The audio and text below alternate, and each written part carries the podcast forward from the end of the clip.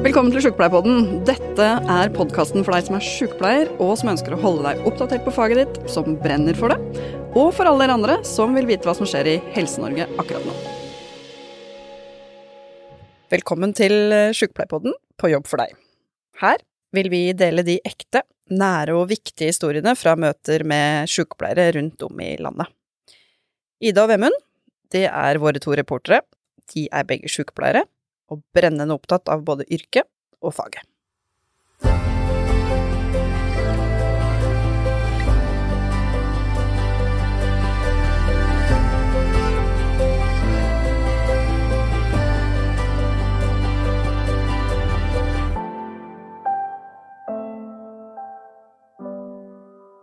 I dag så er vi i studio med Andrea, en tidligere medstudent av meg, som er sykepleier på Ahus og jobber på medisinsk overvåkning.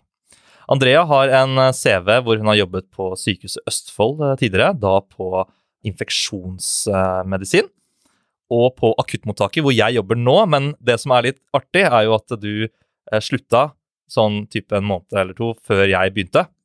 Og du har prøvd å få meg til å begynne å jobbe der i to år før jeg begynte. Åssen føles det at uh, jeg begynner først når du slutter, Andrea? Nei, jeg er jo ganske bitter, da. jeg må jo si at det var uh, rimelig kjipt når du kommer og sier at du skal begynne, og jeg akkurat har levert oppsigelsen. Ja, men du må jo ha levert en viss standard, eller bygget opp det akuttmottaket ganske bra etter at jeg begynte der. For jeg har vært strålende fornøyd etter jeg begynte. Jeg tenkte at her er det her er ting på stell og bra, altså. Ja, det er, alt skyldes jo meg. Ja. Grunnen til at akuttmottaket er uh, fantastisk. Nei da. Det er uh, en veldig god god hjem da, som jobber uh, på akuttmottaket på Kalnes. som jobber hardt, og veldig mye kule folk som bygger det opp. Ja, jeg skal virkelig si. for øvrig hilse fra veldig mange som er der. Ja, men det er koselig. Bare de vet at du skal ingen, på en podkast med oss i dag. Mm. Mm. Andrea, hvem er du? Var et veldig stort eh, Direkte spørsmål. Uh, spørsmål.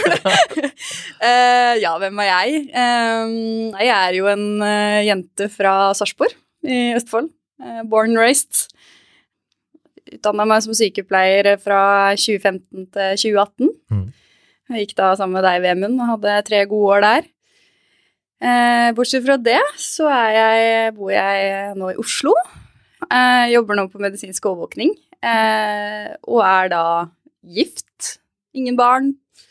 Ja, lever livet. Hva fikk deg til å flytte til Oslo? Nei, da var jo kjærligheten, da. Ja. Eh, fant meg en eh, doktor. Eh, og han hadde stort ønske om å jobbe på blodsykdommer ved Ahus. Hadde ja. lyst til å starte sin karriere der, så da måtte jeg bite i det sure eplet og flytte etter. For en gangs skyld så er det kvinnen som ga etter å flytte dit mannen ville, ikke ja, omvendt? det var det. Ja. Så fortsatt litt bitter, men eh, det begynner å gå bedre. For jeg har hørt at det er liksom en sånn greie da, at stort sett så er det kvinnen som bestemmer hvor man skal bo uh, når man blir sammen, stort sett. Ikke, er det det? Det er det jeg har hørt. Sånn det er for deg, da.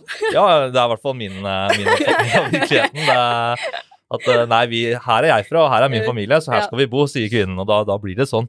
Jeg har en plan. Ja, du har en plan. Jeg har en plan. Og du har en plan? Ja, ja, ja. Det, det skal skje etter hvert. Det bare ja. tar litt tid. Er det da tilbake til Østfold, eller Viken, om man vil, eh, du har tenkt til da? Ja, det må vel bli Østfold. Det er Østfold i mitt hjerte. Det Men det er veldig mange som pendler fra Østfold. Det er ikke sånn kjempelangt Nei, å pendle?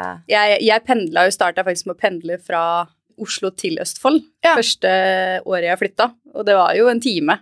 Ja. Så det gikk jo bra, bortsett fra nattvaktene, da. For da ja, det er verre. var det tre timer i kø inn i Oslo igjen. Å, så det, det, var litt heftig. Ja, Nesten litt trafikkfarlig òg, kanskje, når man ja, er trøtt. Ja, det gjorde jeg bare noen ganger, og så måtte jeg gi opp den uh, ambisjonen, rett og slett. Jeg er glad du har gjort det, da, så ikke du har vært i en skikkelig ulykke. Ja, det var, det var mer fornuftig, det. For ja. å bruke huet litt når man mm. kjører. Mm. Men Andrea, du er jo sammen med en eh, doktor, som du selv sier. Ja. Mm. Jobba dere sammen, eller? Ja, vi eh, jobba litt sammen eh, på akuttmottaket på mm. Kalnes. Var det sånn dere møttes? Nei, det var ikke sånn vi møttes. eh, ingen av oss er så veldig sånn uh, Klarer ikke helt å hva skal jeg si, spise der vi driter. Men eh, Så vi møttes faktisk i en bursdagsfest rett etter at han slutta på Kalnes. Okay. Eh, men vi jobb, har jobba litt sammen da, på medisinsk overvåkning, og møter jo hverandre innimellom når han kanskje kommer med pasienter eller eh, Ja, så dere jobber litt tilsyn. sammen nå? Ja, tidvis, men ikke så mye nå lenger. Før, når han var lege da, på natta på medisinsk overvåkning, så så jeg litt til. Men det var bare veldig kort overlapping på noen måneder, så heldigvis. Ja. Det er litt Mm. slitsomt å gift, eller være gift med en du jobber med. Det, Men jeg, jeg føler her er det en historie. Dere, hvordan møttes dere? Dere må jo, Det var jo ikke bare sånn Hei, skal vi bli gift, liksom? Dere, jo, det var akkurat det var sånn. akkurat sånn ja. ja. Eh, Men hvordan, hvordan møttes dere? Hva fikk dere? Begynte dere på date, eller var det uh, nei, det som var, var jo at uh, vi har en uh, felles kompis som fylte 30, Ja. som var anestesilege på Kalnes. Eh, og han hadde da bursdag. Eh, og så tenkte vi da at eh, vi begge to kom, og den kvelden så, hva skal jeg si, han følte etter meg som en liten hundevalp. ja. Um, og så spurte han om jeg skulle komme på date til Oslo. Og da er det som mye av de klassiske historiene. Det ble lockdown. Ble stuck? Ja, da ble vi nesten stuck sammen. Så uh, tok det vel et uh, halvt år, så ble vi sammen. Og så tok det ja, ett år, så var vi forlova. Og ett år senere igjen så var vi gift. Du er ganske nygift, da. Så vi er ganske nygift. Ja. gifta oss i september, faktisk. Ja, gratulerer. Så, takk. Så det er veldig spesielt da, å være gift med lege. Eh, Jeg lærer jo ekstremt mye av han. Jeg kan komme hjem og spørre masse medisinske spørsmål og få gode svar. Eh, Lære mye der. Det var sånn jeg lærte å tolke blodgasser. Altså Ja. veldig godt. Og jeg lærer jo han mye òg. Hvordan behandler man sykepleiere? Og hvordan samarbeider man mest? Hvordan vi sykepleiere har det på jobb. Ja. Ikke alltid like lett for oss heller.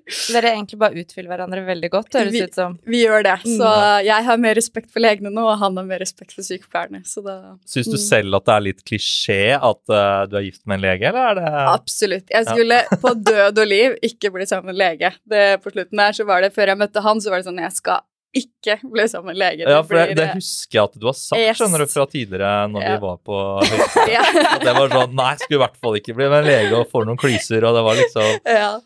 Nei da, så ble det sånn, da. Fant en, fant en ålreit en. Så Ja. jeg kunne liksom ikke bli sammen med en eh, på bakgrunn av yrket han var. Så det ble for dumt. mm.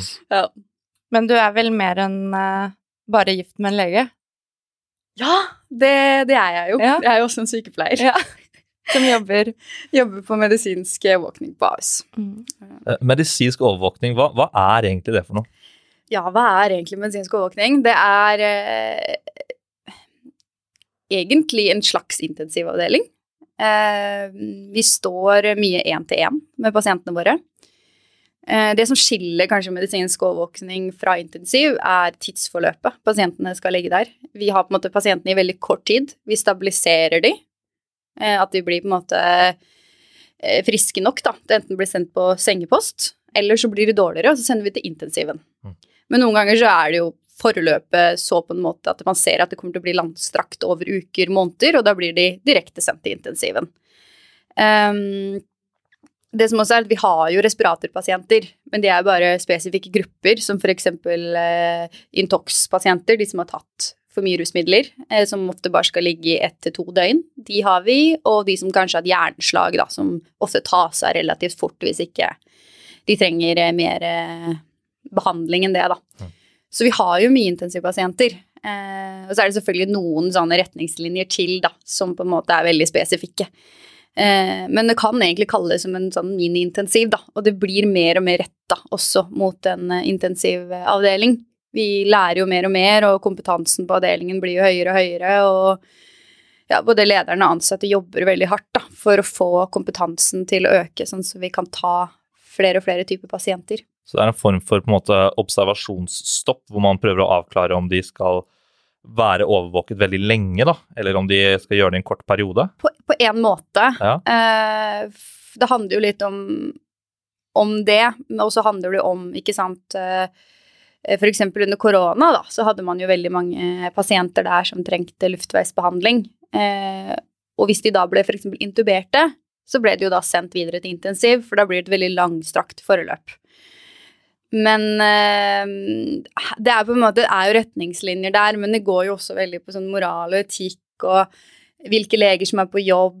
eh, for det å på en måte få en pasient over på en intensivavdeling, da skal de være veldig, veldig dårlig. Mm. Eh, hvis de skal ligge på, på en måte en ordentlig renspikka intensivavdeling. Men hender det liksom at dere har pasientene lenger enn er tenkt, fordi det kan være fullt på intensiv?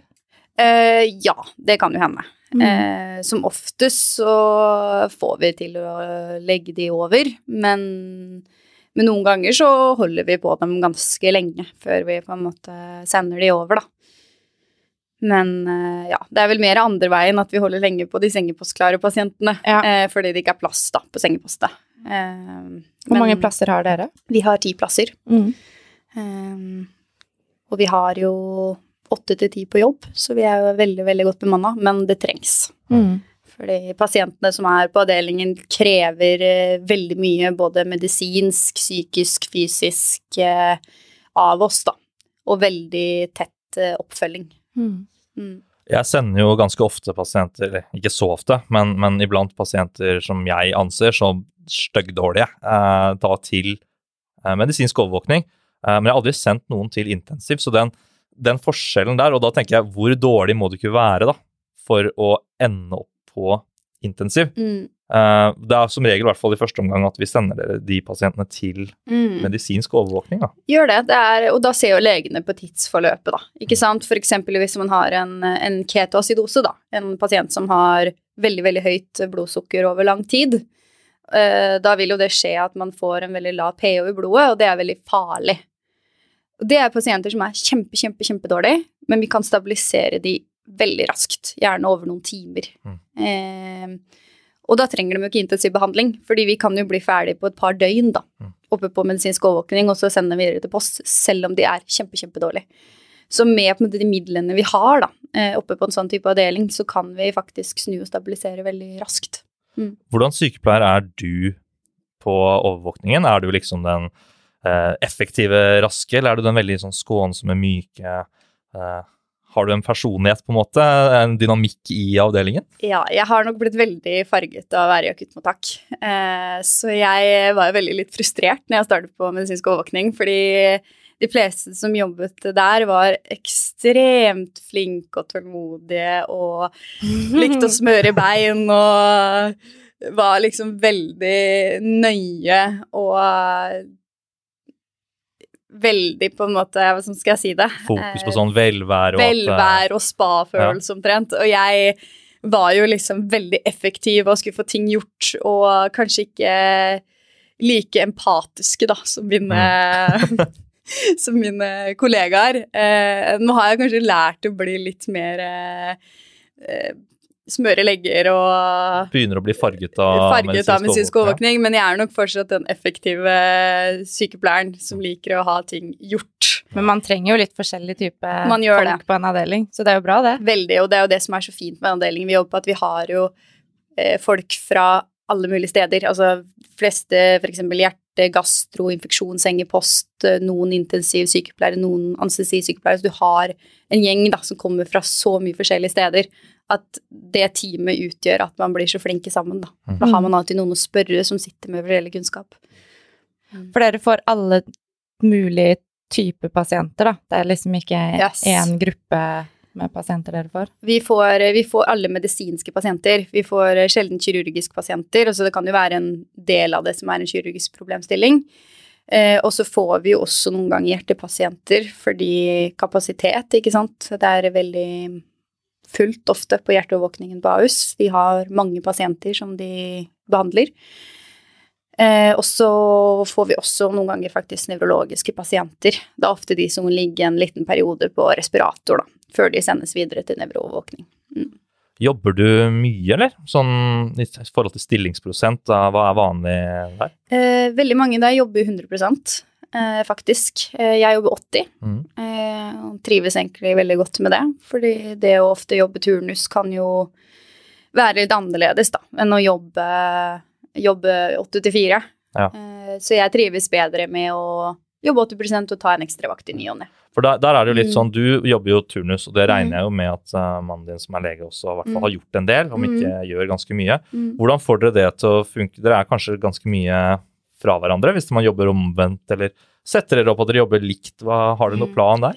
Nei, det som er så fint nå, er at han har blitt en såkalt konstituert overlege, som gjør at han jobber åtte til fire. Mm. Eh, det gjør det jo litt lettere for meg, for da kan jo jeg sette turnusen min hvordan jeg vil. Mm. Eh, før så jobbet jo han vakter, altså tolv eh, vakter, 12 til 14 timer. Og da så vi ikke så veldig mye til hverandre. Eh, Men og han, jeg- han har vel helgvakter? Ja, han er helgevakter, men uh, foreløpig så er han uh, Han er liksom ikke oh, hva skal jeg si, ordentlig overlege ennå, så han Tulleoverlege. Så han eh, får bare eh, ja, sånn 8 til 16-30 helg, da, så han har fått faktisk samme helg som meg. Så Ja. vært veldig heldig der. Så går han jo og skal jobbe vakter etter hvert, men det, det er jo ikke foreløpig. Så da får vi se åssen det blir. Eh, Litt vanskelig hvis man noen gang skal få barn og sånn, så får man jo se om den stakkars ungen må gjennom slutte å jobbe, kanskje. Ja, det er jo det er jo ikke så Ida har jo barn og Ja, er eh, sykepleier. ja. Det, det er jo ikke bare Mm. bare det å sjonglere med Så jeg, hvis jeg har skjønt barnehageplasser, henting og turdusarbeid. det er ganske krevende. Nei, ikke sånn som nå, da, så har vi jo akkurat flytta, men vi har jo ikke fått flytta barnehageplassene med oss, på en måte, til der vi bor. Så nå har vi en, et barn som går i barnehage på Løren, og en som går i barnehage på Snarøya. Så eh, barnehagen til hun eldste åpner jo klokka syv, så jeg og hun står der fem på syv og gnager på døra og vil inn, fordi jeg skal være ferdig skiftet klar på min jobb halv åtte. Så det er jo en kabal som skal gå opp, men eh, jeg tror eh, jeg har det nok hakket lettere enn han jeg bor med. Eh, for han eh, må jo ha de når jeg jobber helg. Sånn som nå er jeg jobba natt, og da er jo han nødt for å ta ungene, da. For jeg skal jo bare på jobb og sove. Slipper kanskje litt unna da, når man jobber turnus på Ja, måte. Og så er det jo en Mm. fordel, da, når de skal Sånn når hun skulle til øyelegen forrige uke, for eksempel, så trenger ikke jeg å ta fri fra jobb. For jeg bytter til at jeg Mm. bytter vakt, sånn at jeg kan ha fri den dagen. Eller kveldsvakt, da. Mm. Sånn at da kan du være med Ja. samme helsestasjon og oppfølginger. Så det er liksom Det har sine fordeler og ulemper, sikkert som Mm. alle andre yrker. Men eh, to i turnus, det kan nok bli tøft. Ja, det Men de fleste får det til å gå, altså. Ja, det er det jeg opplever, jeg også. Flere som faktisk jobber to to turnus, får det til. Utrolig hva man klarer å få til med litt eh, planlegging og entusiasme. For dere har kanskje sånn ønsketurnus, dere også? Det har vi, og det Mm. er jo kjempeflott. Veldig fornøyd med det, at man kan ønske seg eh, vakter her og der. Selvfølgelig, man får jo ikke alt man ønsker seg, men eh, man får mye. Ofte så får man jo over 80% av ønskene sine, og det, det gjør jo hverdagen litt lettere. Mm. Man kan eh, velge og vrake litt hvor man vil jobbe, og når man vil jobbe. Mm. For å få det, ja. Det er Mm. mange ting som får det til å gå opp, i hvert fall. Ja, veldig mange ting. Mm. Åssen er en vanlig dag for deg når du drar på jobb, Andrea? Er det bare sånn, ta oss gjennom en vakt, er alle vaktene helt like, eller har den liksom en oppbygning? Du kommer på jobb, og da, hva er det første du gjør? Det første jeg gjør, er at vi får en fellesrapport fra ansvarlige sykepleiere fra vakta før. Eh, og så går vi ofte inn på rommene og får eh, rapport fra ansvarlig sykepleier for pasienten man skal ha den dagen. Eh, og da forklarer jo Ofte så har vi én pasient, men noen ganger så kan vi også ha to. Det spørs hvor mange pasienter vi har eh, på, på avdelingen, og hvor avklarte de er, da, sånn medisinsk sett. Eh, etter man har fått eh, rapport, så kontrollerer vi ofte. Vi har jo ofte en del infusjoner eh, pågående, altså medisiner eh, som går intravenøst eh, til pasienten. Eh, og sjekker at ok, men vi har alt riktig. At alt vi på en måte har satt på, er etter riktig eh, hastighet og blanda riktig og varighet og dato. Eh, så er det egentlig bare å starte dagen. Eh, og vi starter ofte med en sånn eh, assessering av pasienten der vi går gjennom det vi kaller for ABCD. Så ser vi har pasienten frie luftveier, hvordan puster pasienten, vi lytter på lungene, om det er noen forandringer der. Eh, og så ser vi på det sirkulatoriske, altså hvordan er blodtrykket til pasienten, er kapillærfyllingen bra, eh, og hvordan pasienten er kognitivt, da. Er det noe forandring, er de forvirret? Eh, ja, sånne type ting, da. For å få rett og slett et bilde av hvordan pasienten er, sånn at vi raskt kan forstå da hvis det er noen endringer utover dagen. Så det er veldig fint å starte med det bildet der. Eh, så etter det så starter vi egentlig bare å komme seg om dagen, planlegger. Eh, vi bruker jo veldig mye tid på å se på skopene, altså overvåke Vitalia. Og så bruker vi også veldig mye tid på å ta blodgasser. Mm. Vi bruker i veldig stor grad for å ja, behandling og tiltak da, av pasienten gjennom vakten. Blodgasser Mm. eh, har vi sagt to ganger nå. Hva, hva er en blodgass for noe? En eh, blodgass er eh, Man kan jo ta blodgass på to forskjellige måter. Eh, venøst og arterielt. Men vi bruker jo hovedsakelig da arterielle blodgasser, da. For vi har jo en sånn fin sånn plastrør i arterien som vi alltid har på pasienten, slik at vi kan ta kontinuerlig blodprøver, da. Hovedpulsåren, altså. Hovedpulsåren. Ja. og da ser man egentlig ofte det vi vil se først, det er jo luftutvekslingen hos pasienten. Og det kan man ikke ta på en, se på en vanlig blodprøve, da. Men det kan man se på en arteriell eh, eh, blodprøve. Så da ser man eh, hvordan pasienten puster, og hvordan gassutvekslingen eh, foregår. I tillegg til at vi kan se ofte få raskt svar på ulike elektrolytter og andre typer verdier da, som kan være raskt eller fint å følge med på i Mm. løpet av en eh, vakt. Og da, når du er på vakt, jeg bare mm. zoomer tilbake til liksom Mhm. arbeidsdagen Mhm. din, er du, er du Du styrer deg jo én til én stort sett. sett. Altså Mhm. deg og pasienten. Er de våkne, eller sover de? Er de sedert? Er kanskje litt forskjellig? Veldig variabelt. Eh, De fleste av oss er faktisk våkne. Eh, Men noen ganger så trenger de sedering for å tåle behandling, Mm. rett og slett.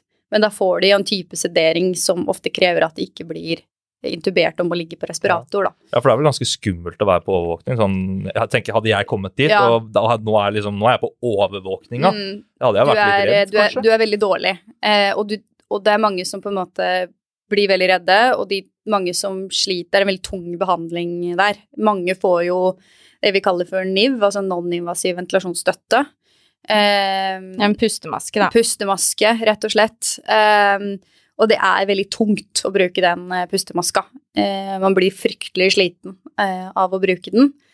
Så mange trenger jo litt annen hjelp. Men så skal man jo være litt forsiktig også med å gi sederende, fordi det har jo en tendens til å liksom ha en funksjon, da, eller effekt på, på respirasjonen, ofte ikke i en veldig god forstand. Eh, hvis man bruker f.eks. For, for mye morfin eller eh, ja, stesolid, altså Beroligende. beroligende, rett Mm. og slett. Um, så man skal være litt forsiktig også, da, hva man bruker. Um, men sånn ut, utover dagen generelt, da, så er det jo Vi må jo Vi passer jo veldig på også pasientens basale behov. Vi, vi har jo veldig fin og god tid til å liksom pleie, stell, passe på at pasienten ikke får trykksår. Det er jo Mm. veldig raskt at pasientene får trykksår på en sånn type avdeling, for de blir liggende stille over Mm. veldig lang tid. Så vi må jo avlaste en del. Eh, og så går det jo veldig mye på ja, samarbeid, da, rett og slett med kollegaene. Selv om du står aleine med en pasient, så, så er det funksjoner der som på en måte hjelper deg med å komme deg gjennom dagen. Da. Du er aldri aleine. Uh, eller sånn, er det mye kanskje, kanskje ganske stille på den avdelingen? For Mm. du prater vel ikke sånn voldsomt mye med pasientene, vil jeg tro, for de er jo ganske sjuke. Og så er det jo deg og gjerne pasienten. Det er ikke sånn masse mennesker rundt, stort sett, eller hvordan er det? Nei, når pasienten er eh, tatt imot eh, og etablert og på en måte stabilisert, så er det ofte veldig rolig rundt pasienten. Noen eh, blir jo relativt eh, frisk ganske raskt. Eller ikke frisk, for det, det er de ikke, men eh, Kommer seg? kommer seg ganske Mm. raskt, så de, eh, de begynner jo å prate en del. Og da er det jo hyggelig for dem også å ha noen å prate med. Eh, mens andre er liksom veldig slitne og vil bare sove, rett og slett. Og så er det jo vanskelig Mm. med de som, du, de som ligger med maske, da. Ja, du de- kan jo ikke akkurat prate Prate Nei, med de. gjennom ikke sant. Nei. Stille masse Mm. spørsmål. Det er som å være hos tannlegen og Prøve å prate, ja. Ja. Mm, det er veldig, veldig sant. Så um, Nei, det er, det er nok en veldig ro rundt, og vi, vi har jo Når man jobber på en sånn deling, så har du veldig kontroll. Ja. Eh, det er ikke alltid eksempel i et akuttmottak så er ting veldig hektisk. Ja, der du- snakker du jo på utpust og innpust, holdt jeg på å si. Yes, det- pluss at du må gjøre ting veldig raskt, men på en, når du har etablert en pasient da, på en overvåkningsavdeling, så har du jo ofte veldig kontroll.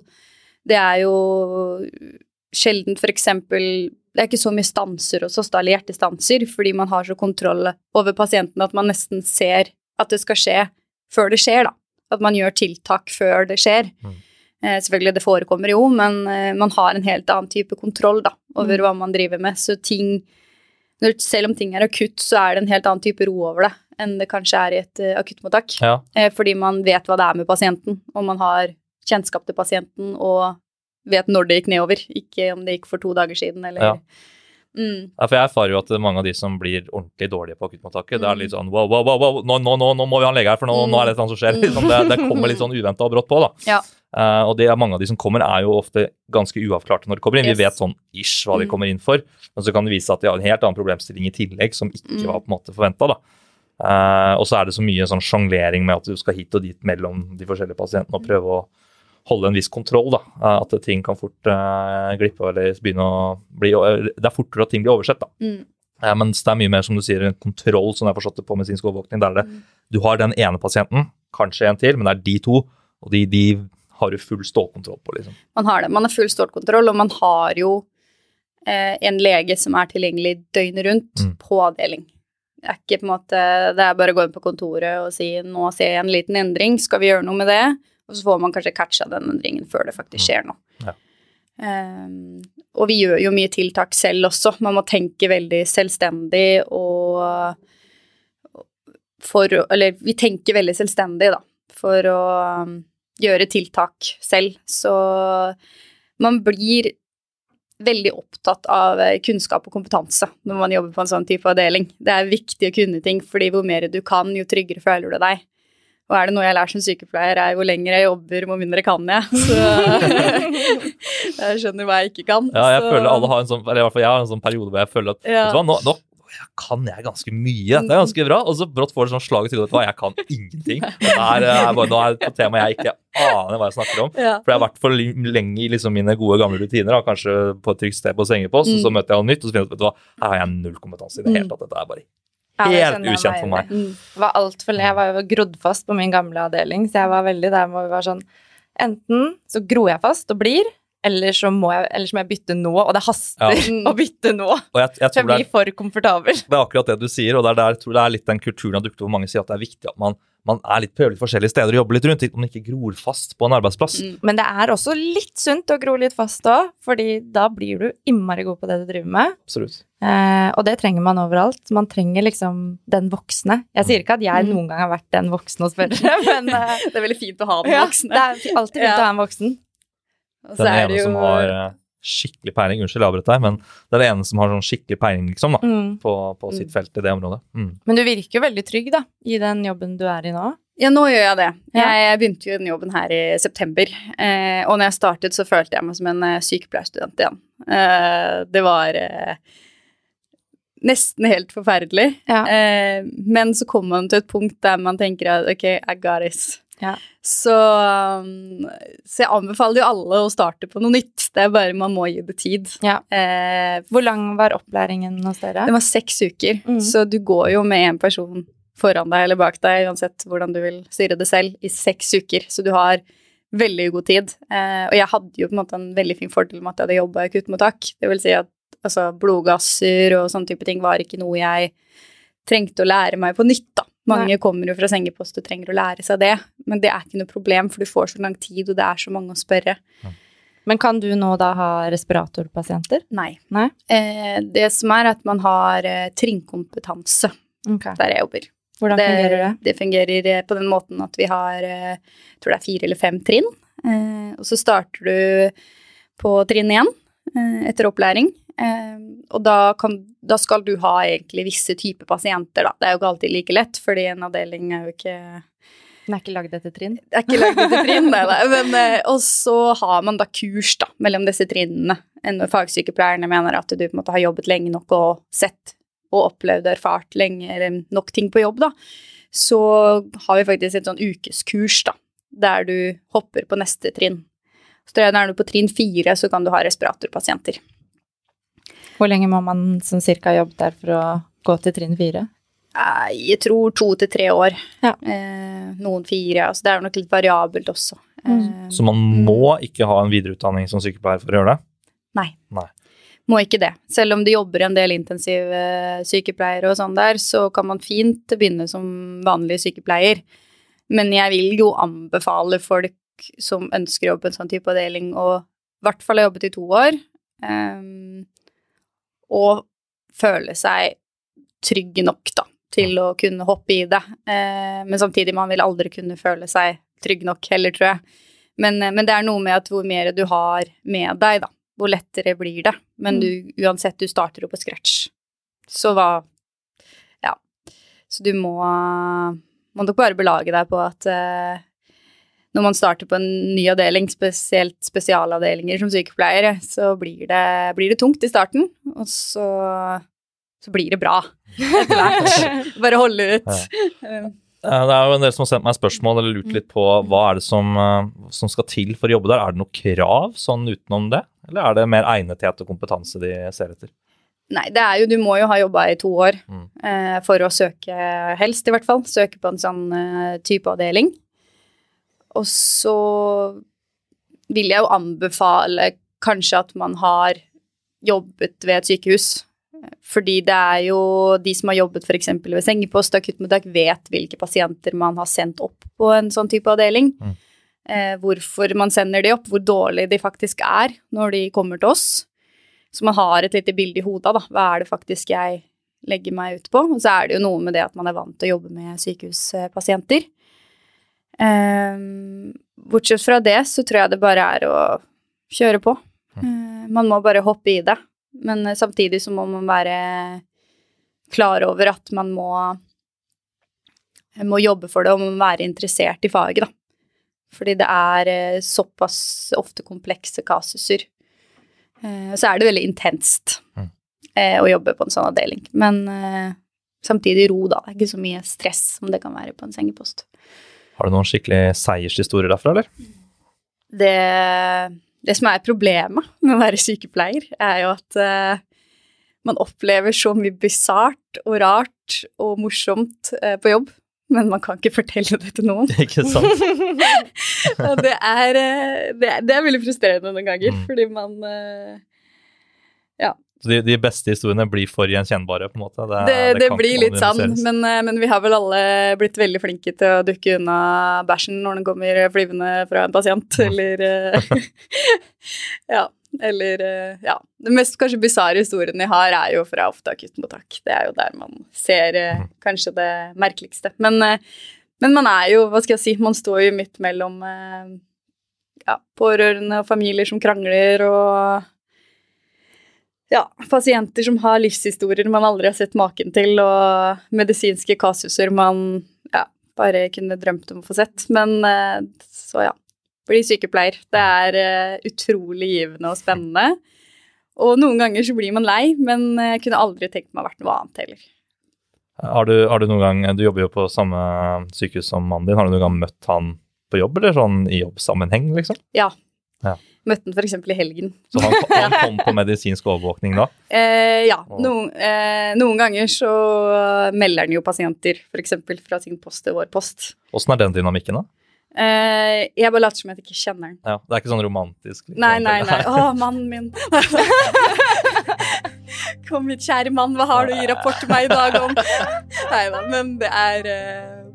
Nei, så jeg prøver å egentlig bare virke som jeg ikke kjenner han. Det virker kanskje som vi er litt mer kalde mot hverandre enn generelt andre kollegaer også. Bare for, for, bare for å påpeke at vi, vi, behandler ingen annerledes, selv om vi på en måte er sammen, da. Ja. Jeg tror det er fort gjort å føle på den, i hvert fall. Mm. Tusen takk for at du kom til oss i studio i dag, Andrea. Nei, men tusen takk for at jeg fikk komme. Det var mm. veldig hyggelig å prate med dere. Er det noe siste du vil si til de som lytter på denne podkasten uh, nå? Sånn om, uh, om medisinsk overvåkning, f.eks.? Mm, ja. Kjør på hvis dere har lyst. Mm. Det er en utrolig givende og gøy avdeling uh, å jobbe på. Tusen takk. Ha det.